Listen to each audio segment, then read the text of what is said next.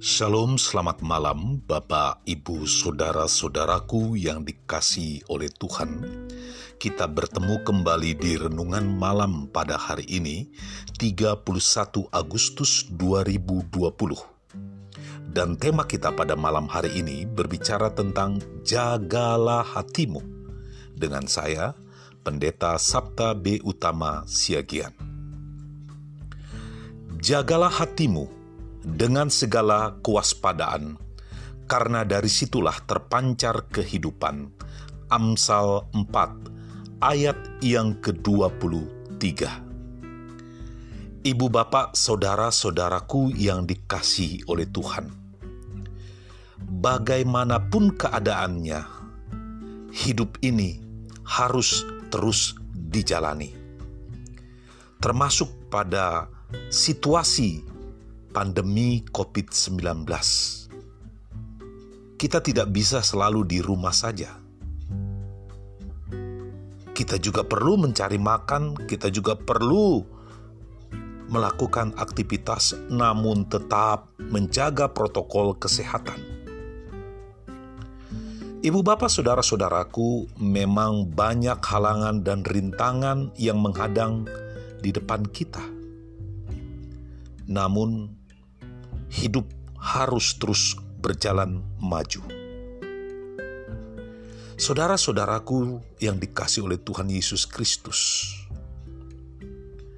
bagi kita yang bekerja, kita diingatkan bahwa bekerja dalam suatu perusahaan atau bekerja sebagai ASN dan bekerja di lingkup pekerjaan apa pun Bapak Ibu. Selama pekerjaan itu tidak bertentangan, itu adalah bagian melayani pekerjaan Tuhan. Asalkan pekerjaan yang kita lakukan dengan tulus hati, dengan kejujuran, dengan kedisiplinan, dengan kesungguhan, itu adalah bagian melayani pekerjaan Tuhan di tengah lingkungan pekerjaan atau pelayanan sering kali kita diperhadapkan juga oleh situasi-situasi yang tidak menyenangkan, bahkan cenderung mengecewakan.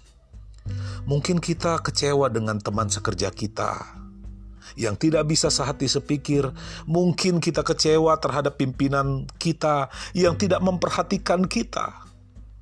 Masih banyak Bagaimana kalau kita bicara tentang kekecewaan itu? Tetapi apa pun kondisinya, kadangkala kita tidak dapat menghindar dari situasi-situasi seperti itu. Mau tidak mau kita harus menghadapi dan menerimanya sebagai proses pendewasaan bagi pertumbuhan iman kita.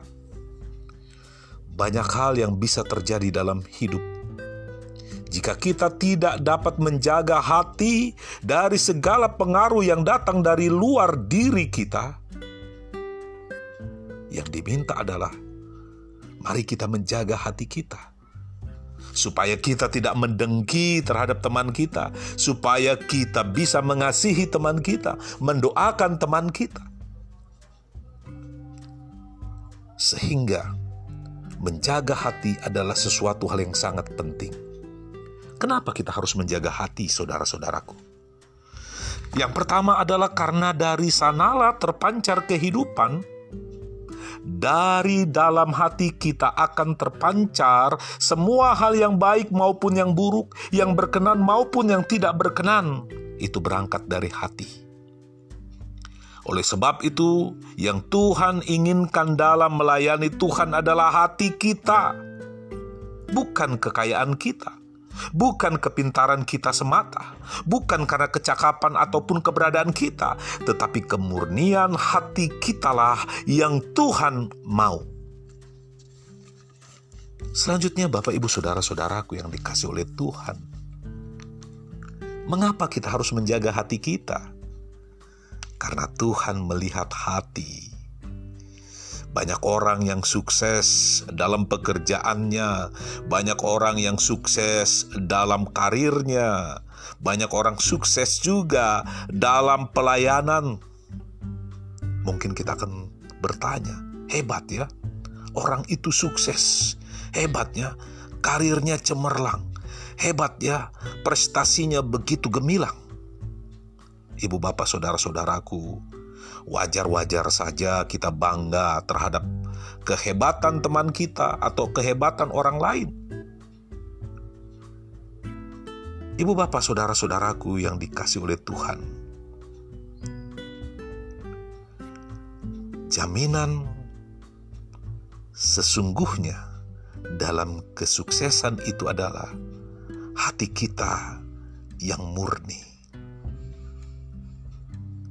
Tuhan tidak melihat pekerjaan kita, tetapi hati sebagai hamba yang senantiasa mau memuliakan hati Tuhan.